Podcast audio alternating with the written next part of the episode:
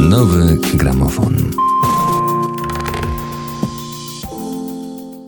Dzień dobry, nazywam się Magda Huzarska-Szumiec i zapraszam Państwa do wysłuchania kolejnego odcinka z cyklu podcastów Nowy Gramofon. Dziś moim gościem jest pani Agnieszka Stabro, autorka książki zatytułowanej Igor Mitoraj, Polak o włoskim sercu. Bardzo się cieszę na naszą rozmowę, bo nie ukrywam, że Igor Mitoraj też jest moim ulubionym rzeźbiarzem. Z książki przebija pani fascynacja jego twórczością. Co panią tak ujmuje w, tej sztuce? Dzień dobry Państwu. Mm, bardzo mi miło y, tutaj gościć u Państwa. Wiele, wiele rzeczy. Na pewno ujmuje mnie taka tajemnica i nieoczywistość tej sztuki, ponieważ ona z jednej strony nawiązuje do antyku, który by się wydało, wydawałoby się, że już jest takim dosyć oklepanym w cudzysłowie tematem mhm. i w sztuce, i w literaturze, natomiast e, przetwarza go w sposób, e, no myślę, zupełnie nieoczywisty, jeśli się wcześniej tej sztuki nie widziało. Um, ujmuje mnie też takim połączeniem właśnie tego antyku i współczesności. Myślę, że to jest bardzo charakterystyczne i wyjątkowe w ogóle e, w sztuce Mitoraja. E, też pewna nieoczywistość, ponieważ to jest sztuka, którą można interpretować, myślę, na wiele sposobów. Oczywiście są pewne nawiązania, które są dosyć oczywiste, ale mnogość interpretacji i takie pole wyobraźni, które ona zostawia e, dla odbiorcy, e, jest bardzo szerokie i na pewno też jest jakaś tajemnica, myślę, w tych, tych rzeźbach. Coś takiego, myślę, nieoczywistego. Tak, ta tajemnica rzeczywiście istnieje i chyba wszyscy w cudzysłowie mówię, dajemy się na nią nabrać, mhm. bo y, wielu ludzi w Krakowie, choćby y, oglądając Erosa, zatrzymuje się przy nim i mhm. długo patrzy. Zresztą o tym, jak on się świetnie wkomponował w rynek krakowski, porozmawiamy za chwilę. E, a teraz chciałabym się dowiedzieć, jak pani się zetknęła mhm. z twórczością Igora Mitoraja? E, ja się zetknęłam e, dosyć dawno, bo w liceum. To był czas, kiedy była wielka wystawa na Placu Zamkowym, właśnie w Warszawie mm, rzeźb Igora Mitoraja. I to było takie pierwsze zetknięcie się z tą sztuką. Mm, no, zafascynowała mnie oczywiście e, gdzieś tam na tyle mi głęboko utkwiła w wyobraźni, że, e, że też do niej wracałam, czy, czy w albumach, czy, czy ogólnie się interesowałam. Natomiast e, no, pomysł na książkę przyszedł dużo, dużo później. Co sprawiło, bo książka jest mhm. jakby podróżą y, po miejscach, w których możemy spotkać rzeźby Igora Mitoraja. Co sprawiło, że postanowiła pani pójść jego śladami? Na pewno było to efektem e, zastanawiania się, takiej mojej refleksji nad tym, e, jak ta biografia powinna wyglądać. E, ponieważ pracę zaczęłam tak bardzo, można powiedzieć, tradycyjnie, od zbierania takich źródeł pisanych, y, kwerenda, biblioteki, prawda, wszystko, wszystko, wszystko co tylko można tak znaleźć.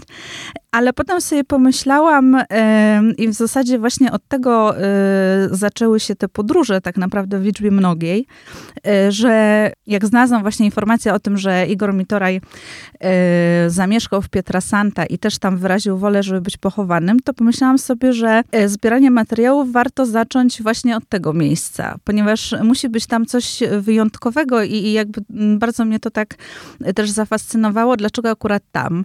E, nie jest to żadna stolica, e, za chwilę pewnie o tym porozmawiamy, jest stolicą sztuki, natomiast nie jest jakimś wielkim, e, wielką europejską stolicą. Igor Mitoraj miał też możliwość zostania na stałe w Paryżu i nie został. E, więc jakby ta, ta fascynacja i taka ciekawość e, tego miejsca właśnie Pietra Santy sprawiła, że, że stamtąd zaczęłam, no a tak naprawdę potem już e, troszkę poszło takie domino, ponieważ zaczynając jakby od, od końcówki jego życia po prostu cofałam się do poszczególnych innych etapów i też taki taki troszkę bakcyl reporterski gdzieś tam się odezwał, czy, czy w ogóle się narodził. E, I właśnie chęć odwiedzenia też, y, też po prostu miejsc, w których był, żeby mm, no, też poczuć y, tą atmosferę, zrozumieć, gdzie przebywał, co go ukształtowało tak naprawdę. Niezwykle ciekawe miejsca, rzeczywiście zaraz mm. o nich porozmawiamy, bo sama chętnie się na chwilę do nich przeniosę. E, Ale zacznijmy może od początku, czyli od y, polskich śladów, mhm. polskich tropów Igora Mitoraja. Y, skąd pochodził Jerzy Mitoraj, bo takie imię nosił? Jerzy Mitoraj w zasadzie możemy uchylić rąbka tajemnicy, że Jerzy Mąkina tak naprawdę, e, ponieważ e, nazwisko też, e, pewnie za chwilę o tym powiemy, jest wypadkową w zasadzie pewnych jego sytuacji życiowych. Jerzy Mitoraj urodził się w Niemczech, w miejscowości Oderan. Tam się narodził, ponieważ jego matka była tam zesłana na roboty przymusowe, a ojciec biologiczny Igora Mitoraja też przebywał na tamtych terenach w mm, obozie jenieckim. Więc rodzice się poznali, tam też się urodził i w, na, w Niemczech w zasadzie w jakby w czasie takiej wojennej tułaczki, można powiedzieć, spędził no, trzy pierwsze lata swojego życia. Nazwisko, które pani wymieniła, wskazuje na francuskie pochodzenie. Jego mhm. ojciec był Francuzem. Tak. E, nazwisko, które wymieniłam, to jest nazwisko panieńskiej matki. A, matki. Matki, tak. Nie odkryłam i być może jest to jakiś jeszcze kolejna tajemnica, która została do odkrycia nazwiska biologicznego ojca Ingora Mitoraja. Miał na imię Georges, był Francuzem. Mhm. Był oficerem tak, Legii Cudzoziemskiej. E, wiemy, trochę wiemy o jego przeszłości. Mm, udało mi się gdzieś tam dotrzeć do, do takiej informacji, że kiedy poznał e, matkę Igora Mitoreja, to już był wdowcem, więc też jakby zbierając różne puzzle, układanki, udało się ustalić, że, że był też około 10 lat starszy, więc też już jakiś bagaż doświadczeń miał. Wiemy, że pochodził z Paryża i do tego Paryża też wrócił E, właśnie po wojnie mm, i w zasadzie tyle. Sam Igor Mitoraj też nigdy, nigdy tego nazwiska nie zdradził, nawet najbliższym przyjaciołom, z tego co wiem. E, I gdzieś tam to, ten ojciec biologiczny jest taką e, troszkę tajemnicą właśnie. A, czy Igor Mitoraj spotykał się ze swoim ojcem? Nie spotykał się. To jest w ogóle ciekawe. Myślę, że to też gdzieś znajduje odbicie w twórczości Igora Mitoraja. Ta relacja, relacja, taka potencjalna relacja tak naprawdę mm, z ojcem biologicznym tragicznym, e, kiedy Igor Mitoraj wyjechał do Paryża w 1968 roku. Miał taką możliwość, ponieważ odszukał, e, odszukał ojca, ustalił adres, gdzie mieszka. E, nawet znalazł się pod drzwiami tego mieszkania, ale mm, do tego mieszkania nie zapukał. Czyli nie odważył się wyjść. Nie odważył się. W ostatniej chwili się cofnął.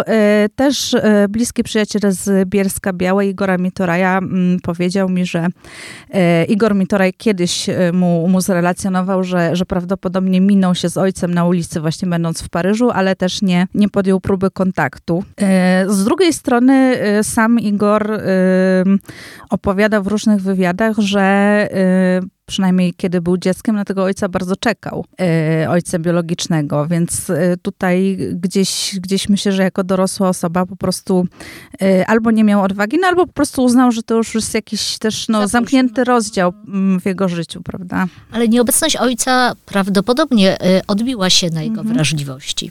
Na pewno, na pewno, tak jak wspomniałam, na pewno na tego ojca czekał. Myślę, że też gdzieś ten brak, czy taka właśnie zagadka nierozwiązana, czy może nie do końca rozwiązana, e, znajduje odbicie w twórczości. Można tutaj e, śledzić jakieś tropy czy ślady. Matka Igora Mitoraja wyszła za mąż, kiedy po takiej właśnie wojennej tułaczce wrócili do Polski, więc jakby no tutaj Igor miał, miał ojczyma, więc też no jakaś męska postać pojawiła się w jego, pojawiła się w jego życiu. Tak, no ale jednak nie był to ten ojciec biologiczny i myślę, że to gdzieś tam go jednak uwierało. A jakie miał relacje mhm. z ojcem, z ojczymem? Z tego, co udało mi się dowiedzieć, czy, czy ustalić z takich w zasadzie szczątkowych informacji, bo sam Igor Mitoraj nie, nie bardzo lubił też mówić o sobie, jakichś mm, takich prywatnych aspektach swojego życia. E, myślę, że to była relacja trudna. Igor, mm, mm Czesław Mitoraj, ponieważ tak właśnie nazywał się ojczym Igora. Igora przysposobił, też dał mu nazwisko, którego Igor no, nie zmienił nigdy. Pani już wcześniej wspomniała, że miał na imię Jerzy i to właśnie imię Jerzy zmienił, kiedy wyjeżdżał do Francji, więc była też okazja, żeby zmienić nazwisko. Tak. Jednak przy tym nazwisku Mitoraj pozostał. Sam Jerzy już mówił o dzieciństwie, to mówił, że te relacje były dosyć takie chłodne. Ja myślę, że, że to jest też kwestia tego, że um, Igor z właśnie ojczymem w jakiś sposób um, rywalizowali o matkę. To jest jednak osoba y, obca, która się nagle tak. zjawia w życiu czteroletniego dziecka. Pojawiają się dzieci z tego nowego związku. Y, więc ta relacja była, myślę, mocno naznaczona takim mm, właśnie rywalizacją, y, gdzieś jakimś żalem, być może ze strony Igora mm, podszyta właśnie jakąś takim rozgoryczeniem, ale też warto pamiętać, że mm, Igor Mitora i Czesław Mitoraj tak naprawdę nie do końca mieli szansę na zbudowanie y, takiej poważnej, czy powiedzmy mm, dojrzałej relacji, ponieważ e, Czesław Mitoraj ginie w wypadku, kiedy Igor e, kończy liceum. To jest końcówka jego nauki w liceum. E, I tak naprawdę no, nie było przestrzeni, nie, udało czasu. im się ani czasu na to, żeby już nawiązać relację dojrzałą, pozbawioną resentymentu tak naprawdę. Nakładało się na to wszystko, nakładał się na to wszystko jeszcze fakt, że Igor Mitoraj wychowywał się w Ostrowcu. Mhm. Y, to jest, przepraszam, w Grójcu. W Grojcu. W Grojcu. W Grojcu. Y, to jest y, niedaleko Oświęcimia. Mhm. Czy to miejsce tak, taka bliskość y, obozu koncentracyjnego, który jednak po wojnie y, mhm. ciągle musiał powracać w tak. pamięci i musiał zajmować y, myśli mieszkańców tego mhm. miejsca, mhm. odcisnęła się w jakiś sposób na jego twórczości? E, odcisnęła się i to bardzo. Sam zresztą o tym mówił w wywiadzie. E, Grojec jest położony około 10 kilometrów od Oświęcimia i to jest rzeczywiście bardzo blisko odległość. Tak jak pani wspomniała, w latach 50., kiedy tam e, właśnie w Grojcu mm, Igor spędzał pierwsze lata i się wychowywał, to był czas nie tak bardzo odległy od tych y, wszystkich wydarzeń, y, które się działy. Zapewne żyli, zapewne żyli jeszcze świadkowie rodziny i ta pamięć y, no, była po prostu taką żywą pamięcią. E, sam Igor mówił, że ta bliskość Oświęcimia mm, bardzo na niego wpłynęła, że te okaleczenia, takie właśnie jakieś braki w rzeźbach, które zauważamy, że są pokłosiem w jakimś stopniu takiej pamięci zbiorowej tak naprawdę, e, w której się wychowywał i, i w której um, uczestniczył. Te popękane torsy, prawda, tak. które, które często powtarzają się w kolejnych jego rzeźbach. Mhm. A czy na przykład, nie wiem, to już taka moje, moje domysły, te bandaże na głowach, które pojawiają mm. się też urzeźbionych przez niego postaci, też mogą mieć, y, mogą nawiązywać jakoś do tego, co zapamiętał z dzieciństwa? Myślę, że jak najbardziej tak, chociaż y, ja mm, akurat w bandażach bardziej um, widzę figurę y, nieobecnego ojca. Dla mnie te bandaże skrywają jakąś tajemnicę, która mi akurat nasuwa na myśl e, brak jakiejś no tak, osoby. Zasłonięte oczy. Tak. E, właśnie ta tajemnica. E, ale oczywiście popękane torsy, brak, nie, niepełne ciała, prawda? Rany, które też w niektórych e, rzeźbach widać, jak najbardziej. Tym bardziej, że Igor Mitoraj po skończeniu liceum nie idzie od razu na studia, tylko w wyniku tragicznej śmierci ojczyma przejmuje rolę jako najstarszy syn głowy rodziny tak naprawdę y, i pracuje właśnie na terenie zakładów chemicznych Oświęcim, które y, jakby mm, leżały na terenie też, czy były związane z, y, właśnie z obozem koncentracyjnym. Więc myślę, że on no, dosyć długo, tak jak powiedziałam, w tej te, takiej pamięci zbiorowej się, się wychowywał. No i musiało dotykać to jednak wrażliwego -hmm. chłopaka. A Kiedy narodził się w nim artysta? Czy już w liceum plastycznym, mhm. czy to jeszcze chwilę trwało? Powiedziałabym, że nawet wcześniej niż w liceum plastycznym, ponieważ udało mi się dotrzeć do archiwum, e, archiwum właśnie liceum plastycznego i w tymże archiwum liceum plastycznego jest e, opinia wystawiona przez dyrektora szkoły podstawowej właśnie w Grojcu, zachwalająca czy rekomendująca um, uczęszczanie Igora do, do tego liceum plastycznego. E, I w opinii dyrektora szkoły podstawowej w Grojcu już się pojawia właśnie taka rekomendacja, żeby Igor się dalej, Jerzy wtedy jeszcze kształcił w kierunku rysunku, że ma ku temu zdolności, że wykazuje mm, zdolności plastyczne. E, zresztą mm, też wiem od osób, które z Igorem e, Mitorajem chodziły do szkoły podstawowej właśnie w Grojcu, że e, była to jedna z jego bardziej charakterystycznych cech. E, zapełnianie mm, zeszytów, bloków rysunkowych, no akurat tego, co, co tak. też wtedy było pod ręką, bo wiadomo, jakie to były czasy, więc czy bloków technicznych, no, no każdej wolnej, każdego wolnego skrawka papieru rysunkami, szkicami, grafikami, no wiadomo, że to była twórczość dziecięca, ale jednak takie relacje się przewijają o tym, że mm, w czasie przerwy na przykład zamiast, nie wiem, grać w piłkę, czy, czy uczestniczyć w jakichś wygłupach, czy żartach, czy w ogóle no, zabawach w podstawówce, Igor wolał sobie gdzieś tam w kąciku usiąść i, i rysować. Ale styl artystyczny, przypuszczam przynajmniej, y, musiał y, jednak kształtować się troszeczkę później. Czy to już mogło być y, w trakcie jego studiów na Krakowskiej Akademii Sztuk Pięknych? Na pewno. Myślę też, że ten, e, że nauka w liceum e, plastycznym i uczęszczanie do klasy o profilu tkactwa artystycznego też już e, nakierowała Igora na te tory, ale mm, styl charakterystyczny, z którego go znamy, myślę, że to jest efekt studiów na ASP w Krakowie i przede wszystkim opieki czy jakby bycia pod, pod y, opieką y, Tadeusza Kantora, od którego no, większość. Czy to był jego najważniejszy ten nauczyciel? Z całą pewnością i tutaj w książce właśnie też, też o tym piszę, że ta relacja z Tadeuszem Kantorem mocno wykraczała poza mury ASP i, e, i w sensie fizycznym, ponieważ sam Igor e, pisał, mówił o tym, że bardzo często z Tadeuszem Kantorem się spotykali e, na gruncie po prostu prywatnym. Ona mocno wykraczała poza mury ASP, poza taką relację mistrz-uczeń, którą niewątpliwie była. E, była to z pewnością relacja przyjacielska. No, oprócz tego, że Igor oczywiście, no, Tadeusz Kantor był dla Igora wzorem i był taką mm, wzorem, jeśli chodzi o sztukę i, i o e, pracę artystyczną, ale też był, e, myślę, e, wielkim przyjacielem.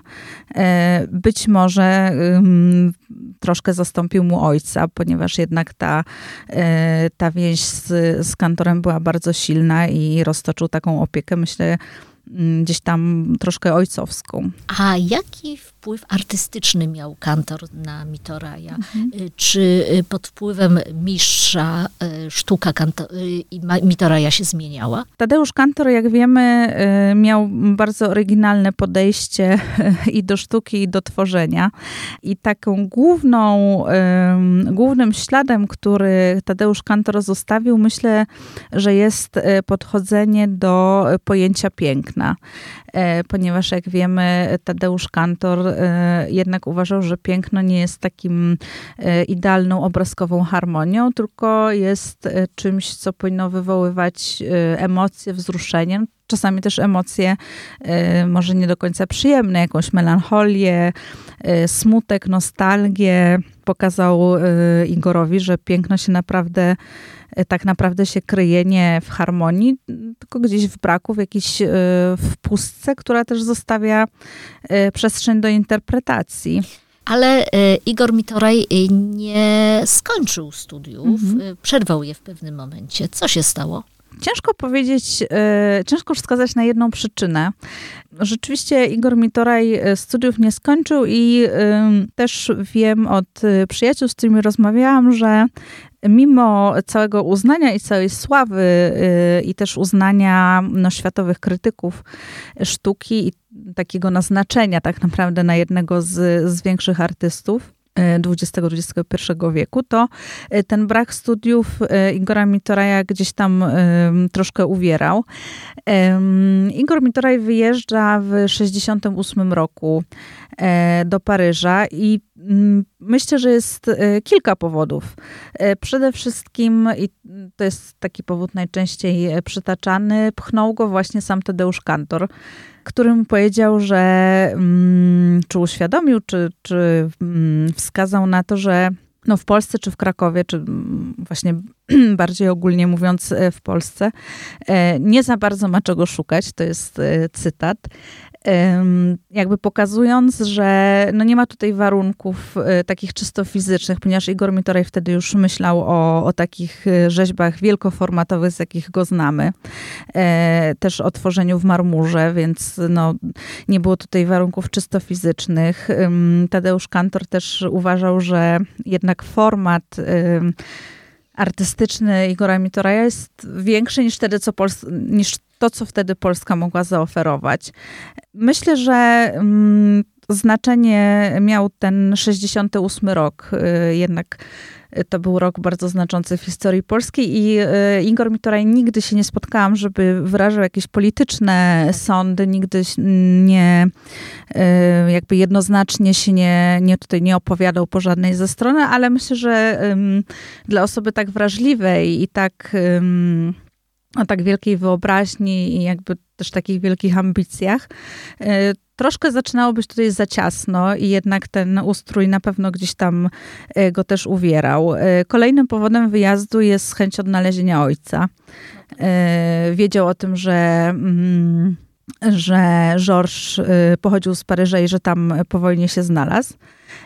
Nadarzyła się też okazja, ponieważ Igor Mitoraj wtedy poznał Żana Gajo, studenta, który był na wymianie w Polsce i tak e, na tyle, mm, na tyle się zaprzyjaźnił, na tyle e, wszedł w taką właśnie przyjacielską relację, mm, że udało się na zaproszenie cioci tego, tegoż Żana Gajo, udało się Igorowi wyjechać na zachód do Paryża. co też y, było jakiegoś rodzaju okazją, prawda? No bo to no tak, pamiętam, to jaki był łatwe. rok. Tak, nie było łatwe. Myślę, że po prostu wykorzystał ten splot wszystkich okoliczności. A czy wyjeżdżając wiedział, że nie wróci? To jest ciekawe pytanie, które sobie sama zadawałam e, w czasie pisania książki. I e, prawdę mówiąc, e, nie jestem w stanie jednoznacznie na nie odpowiedzieć. W, w Mm, archiwum ASP i w papierach, w podaniach, w dokumentach Igor Mitoraj pisał o wyjeździe wakacyjnym ale też wiemy, jakie różne były czasy. Tak, różne rzeczy się pisało. Wiadomo, że gdyby napisał co innego, no to ten wyjazd nie byłby możliwy. Mm, Myślę, że sam się wahał i myślę, że nie do końca y, był przekonany. No jednak y, tutaj w Polsce zostawił matkę. Y, to była osoba, z którą był najbardziej związany z całej rodziny.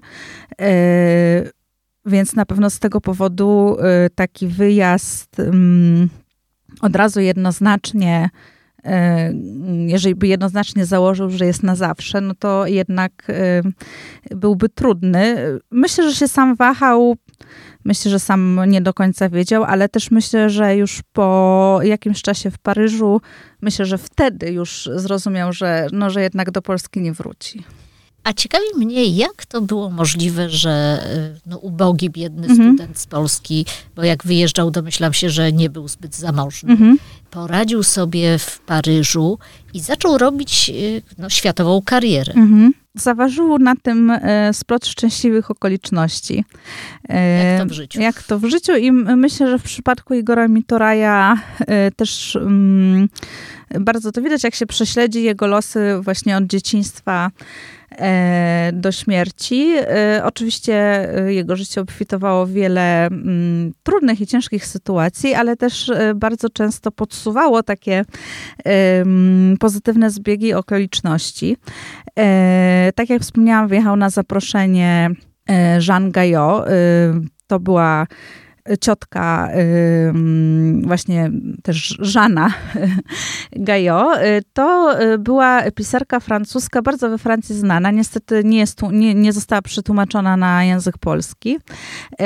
Publikowała pod nazwiskiem Coriola i była bardzo znaną, bardzo taką szanowaną y, pisarką właśnie w Paryżu.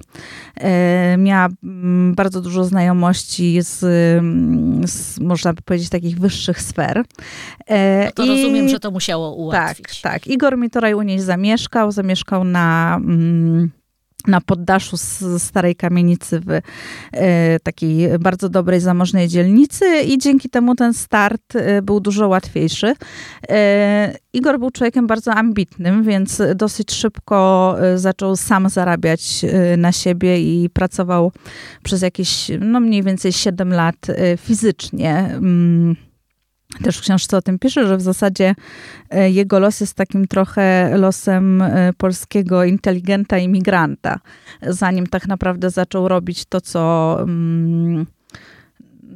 Co powinien tak naprawdę ze względu na zdolności, co chciał, tak. E, był i tragarzem fortepianów i pracował na budowie, nosił jakieś iluś kilowe e, worki z mąką, pracował, e, pracował po prostu fizycznie. Pracował też w barze za barem. Pracował też jako model. Do tego też miał y, predyspozycję, y, ale pracował y, bardzo ciężko fizycznie, więc też nie można powiedzieć, że polegał tylko i wyłącznie na tej znajomości, ale niewątpliwie um, ułatwiło mu to start i, i, dało taki bezpieczny początek, od którego już mógł um, się wybijać i, i gdzieś tam iść dalej swoją drogą. Ale żeby się wypić, y, to trzeba najpierw mieć mhm. indywidualną wystawę, bo taka mhm. jest droga.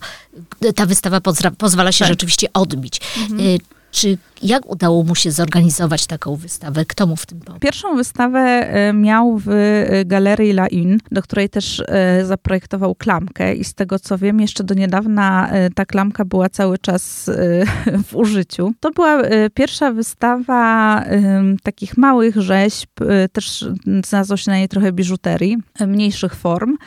I ta wystawa cieszyła się na, na tyle dużą popularnością, z tego co, co zdołała zdołałam ustalić, sprzedały się wszystkie prace, y, które były na tej wystawie prezentowane. Właśnie po sukcesie tej wystawy Igor miał drugą, już większą, gdzie znalazły się wię... rzeźby trochę większe, nie, nie może aż tak y, duże jak te, z których go znamy obecnie. Ta druga wystawa była w galerii y, Art Curial, y, którą prowadził bratanek Mitterranda. Więc no tak, ona otworzyła już tak naprawdę, no myślę, wszystkie drzwi, które były do otworzenia w Paryżu i, i też właśnie po tej wystawie Igor Mitoraj otrzymał od miasta, od Paryża, dwie pracownie do użytku, do, do swojego użytkowania. I tak naprawdę jego nazwisko już wtedy zaczęło być, zaczęło się przewijać i zaczęło być kojarzone. Zaczął funkcjonować w świecie tak, sztuki. Tak, tak. Y, no mając już pracownię, pewnie mógł sobie pozwolić mhm. na większe formaty, mhm. o których, jak y, wspomniała pani, pisze pani zresztą o tym w mhm. książce, y, od czasów ASP marzył. Tak. Ale żeby mhm. przygotowywać mhm. duże formaty, rzeźby dużoformatowe, trzeba je odlewać gdzieś, mhm. prawda? Gdzie on znalazł takie miejsce, gdzie mógł rzeczywiście pokazać to, o co mu chodziło? Miejsce znalazł dość daleko od Paryża, można powiedzieć. Było to miejsce, którego dosyć długo szukał. Po tej wystawie w Art Curial nadarzyła się okazja, ale też zaczęły się pojawiać zamówienia. I te zamówienia były już na rzeźby troszkę większe. Igor dość długo szukał odlewni, która byłaby w stanie zrealizować jego pomysły i też która by pracowała metodą, którą on sobie upodobał i którą sobie wybrał. To jest metoda na tak zwany wosk tracony. Proszę, proszę mi tak, nie, nie kazać powtarzać na czym polega, ale jest to dosyć skomplikowana metoda, która wymaga po prostu bardzo dużej precyzji, bardzo dużego doświadczenia. I okazało się, że takie odlewnie, taka odlewnia i takie odlewnie, takie warsztaty, tacy rzemieślnicy i tacy specjaliści w tej dziedzinie są w małym miasteczku we Włoszech, w Pietrasanta. Tak, jak wygląda to miasteczko? E, przepięknie. E, to jest, że pani tam mhm. bywała. Tak, y, ono jest y, bardzo niepozorne. Muszę powiedzieć, że dzięki tej książce, dzięki Igora, Igorowi Mitorajowi y, w ogóle odkryłam to miejsce i tam trafiłam i to jest moja wielka wdzięczność wobec właśnie tego twórcy, ponieważ miasteczko jest dosyć niepozorne, jest położone między Pizą a Florencją.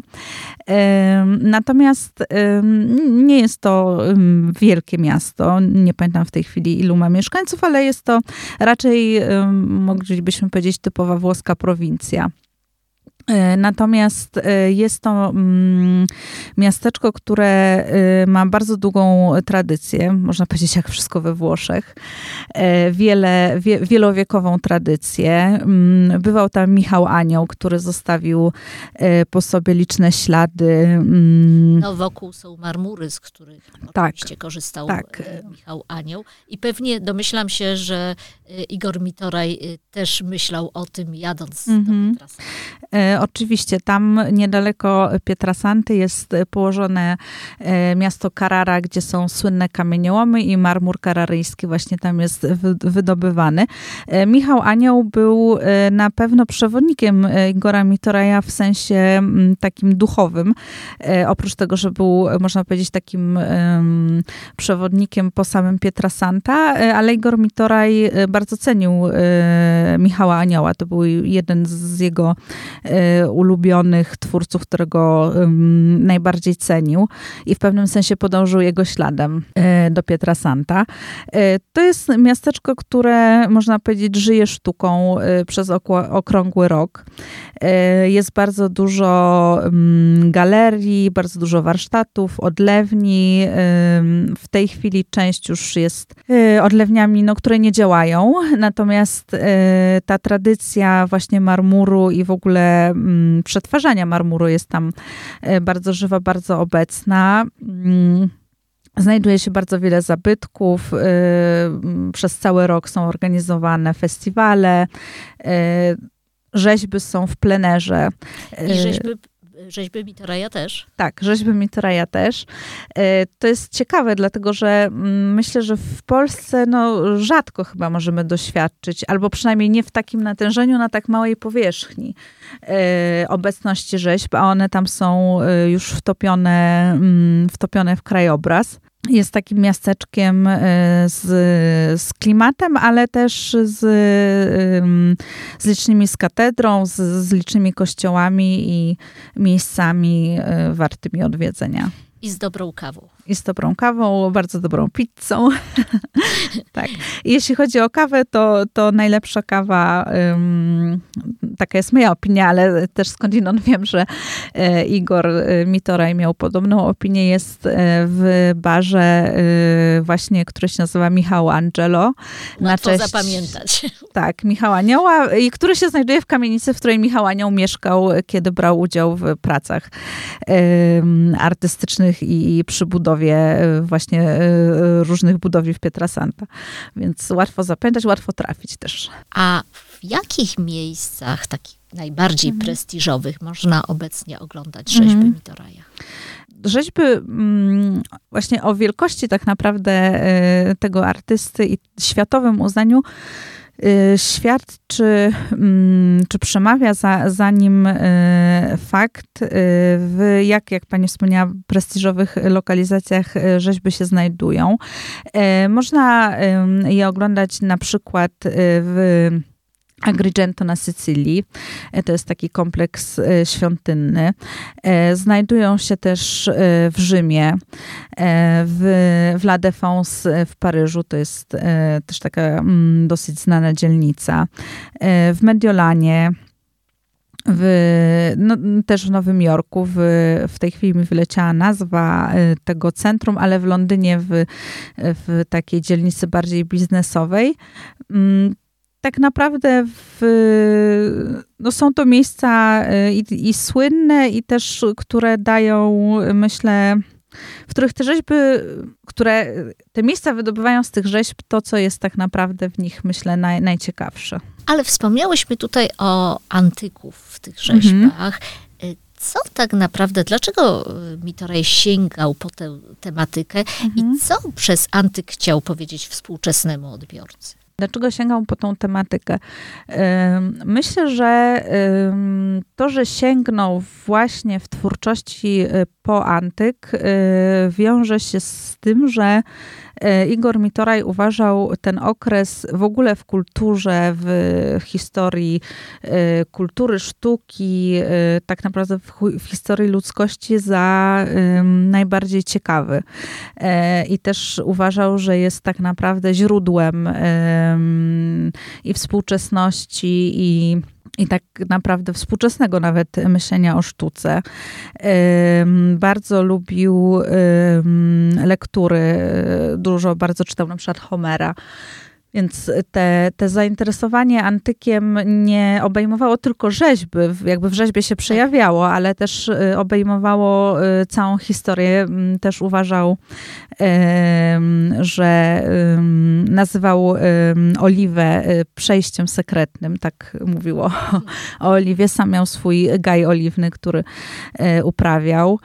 Czyli mm. troszkę się czuł człowiekiem antyku. Tak, tak. Czuł się zdecydowanie człowiekiem antyku. On w ogóle mm, nie za bardzo się odnajdywał w współczesności. Bardzo y, dobrze tą współczesność łączył ze sztuką antyczną, natomiast um, najlepiej, najlepiej chyba się czuł tak mentalnie e, właśnie, właśnie jeśli chodzi o antyk.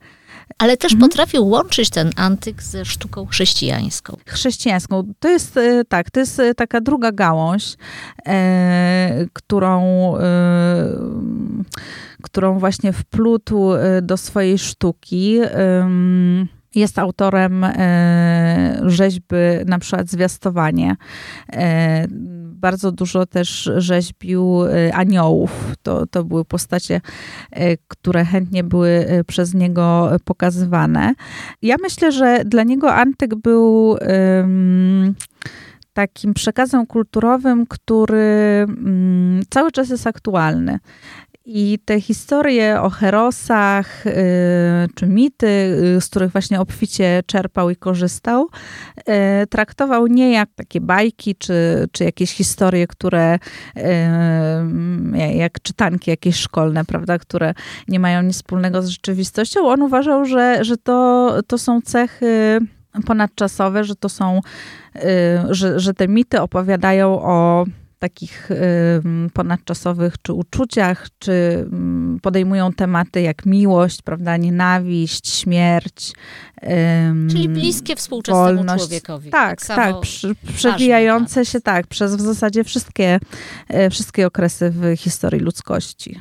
Ale wspomniała Pani płaskorzeźbę mhm. Zwiastowanie. Mhm. Ona się znajduje w kościele, w jednym z kościołów mhm. Pietra Santa. Mhm. Y, wokół niej panowało pewne zamieszanie. Dlaczego mieszkańcom nie podobało się, nie podobała się ta rzeźba?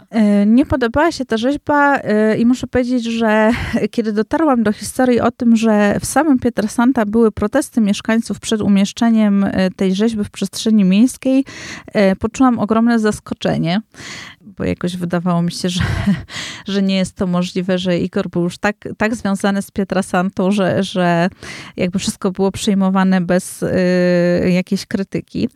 E, krytyka brała się stąd, y, że ta rzeźba zwiastowanie bardzo odbiega od tradycyjnego y, przedstawienia, y, które kojarzymy właśnie z chrześcijańskimi y, wyobrażeniami na ten temat.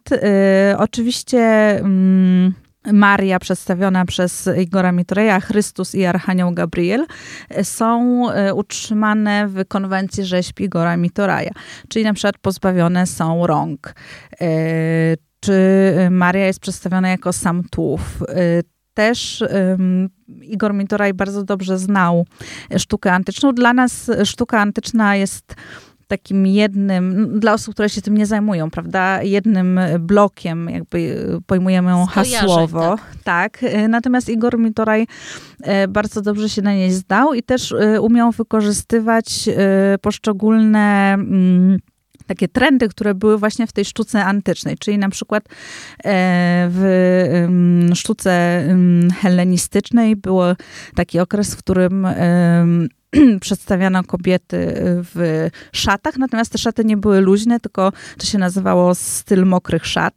E, były po prostu przylegające do ciała, uwydatniały e, kształty kobiece i Maria Taka jest Maria. przedstawiona tak, w ten sposób. Archanioł Gabriel w tym, w tym akurat przedstawieniu zwiastowania, o którym rozmawiamy, jest, nie jest postacią centralną tego przedstawienia, tylko jest w zasadzie gdzieś na marginesie, można powiedzieć, no jest e, po prostu bardzo niewielkim elementem. Chrystus z kolei, w tors Chrystusa jest wpisany krzyż. Więc e, myślę, że, że dlatego stąd się brały protesty, że to Służył przedstawienie tak, które... bardzo odbiegało od, od, e, od, no, od tego, do czego jesteśmy przyzwyczajeni, prawda? To też um, jednak Włochy um, no Włochy może nie są państwem katolickim, ale ta, ta tradycja z jednej strony antyka, ale jednak to, to chrześcijaństwo, religijność. Tak, tak, religijność i, i, taka właśnie obrzędowość. E, ale e, z tego co pamiętam, to burmistrz ówczesny Domenico Lombardi e, się, że tak powiem, bardzo uparł w cudzysłowie i można te, w tej chwili podziwiać właśnie w Pietrasanta to, to zwiastowanie kolejny powód, żeby pojechać. Jak najbardziej. Y, a dlaczego, wracając na grunt polski, dlaczego sztuka Igora Mitoraja była tutaj ignorowana w pewien sposób? Książka y, Igor Mitoraj, Polak o włoskim sercu jest troszkę próbą odpowiedzi na to pytanie. Y, myślę, że można wskazać kilka y, prawdopodobnych aspektów. Y, myślę, że Jednym z nich jest brak u nas skojarzeń, czy w ogóle takiego silnego powiązania właśnie z tą sztuką antyczną, o której rozmawiałyśmy. Jednak kontekst mitów, herosów, całego właśnie antyku, starożytnej Grecji, Rzymu, w, we Włoszech, we Francji, w, w krajach południa jest dużo bardziej czytelny niż u nas. Myślę, że y, też nagość w sztuce, y, którą którą jakby no, której Igor Mitraj nie unikał, była jakąś jakimś hamulcem może w odbiorze wtedy. A zawiść. w Polsce. Zawiść też, no, też. Za, tak, zawiść, też. ponieważ nie każdy może, nie każdy zrobił taką karierę jak on. E, tak, no myślę, że, że u nas troszkę pokutuje takie wyobrażenie artysty, y, który zyskuje uznanie i splendor dopiero po śmierci. A Igor Mitoraj po takim okresie, o którym rozmawiałyśmy, ciężkiej fizycznej pracy, mm, bardzo szybko czy w miarę szybko przyszło uznanie światowe i na, na swojej twórczości y, po prostu zaczął zarabiać y, dobrze już, już gdzieś tam y, w krótkim czasie. więc to na pewno był, był też jeden z aspektów. Też trzeba pamiętać, że Igor Mitraj wyjechał w 68 i tak naprawdę mm, do tych lat dwutysięcznych, nie licząc takiej niewielkiej wystawy w 94 w Polsce, takiej bardzo jednak środowiskowej na, w Uniwersytecie Jagiellońskim, był nieznany.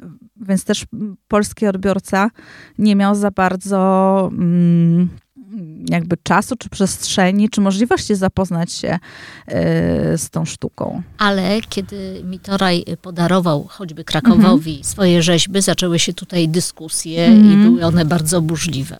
Y, były burzliwe, były protesty, no ale myślę, że, że to jest na aspekt, o którym rozmawiałyśmy. E, myślę, że, że też tradycja rzeźby być może w Polsce nie jest aż tak silna jak malarstwo czy, czy grafika, ale przede wszystkim malarstwo. Ale wpasowały się te mhm. rzeźby, no choćby Eros, o którym już żeśmy mhm. wspominały. E, ludzie je zaakceptowali i teraz fantastycznie funkcjonują w przestrzeni miejskiej. Mhm. Ja pamiętam e, w chyba to było też po tej wystawie, e, kiedy e, zaproszono Igora Mitoraja tutaj do przedstawienia większej ilości swoich, rze mhm. swoich rzeźb. I pamiętam rynek otoczony jego antycznymi postaciami. I to było w zimie, kiedy śnieg osiadał na tych rzeźbach. E, sprawiało to wieczorem szczególnie. Tak. Naprawdę było magiczne, magiczne mhm. wrażenie. Myślę sobie, że ta magia rzeźb sprawia, że warto podróżować śladami y, Igora Mitoraja. Y, I do tych podróży Państwa zapraszamy razem z panią Agnieszką Stabro, autorką książki Igor Mitoraj, Polak o włoskim sercu. Bardzo Pani dziękuję. Dziękuję bardzo. Zapraszam y, do podróży, do lektury i też do oglądania rzeźb w Krakowie, w Warszawie czy w Poznaniu, gdzie stoją w przestrzeni miejskiej i można je sobie spokojnie Y, obejrzeć i się zapoznać. Dziękuję bardzo. Dziękuję. Program powstał w Instytucie Literatury w Krakowie.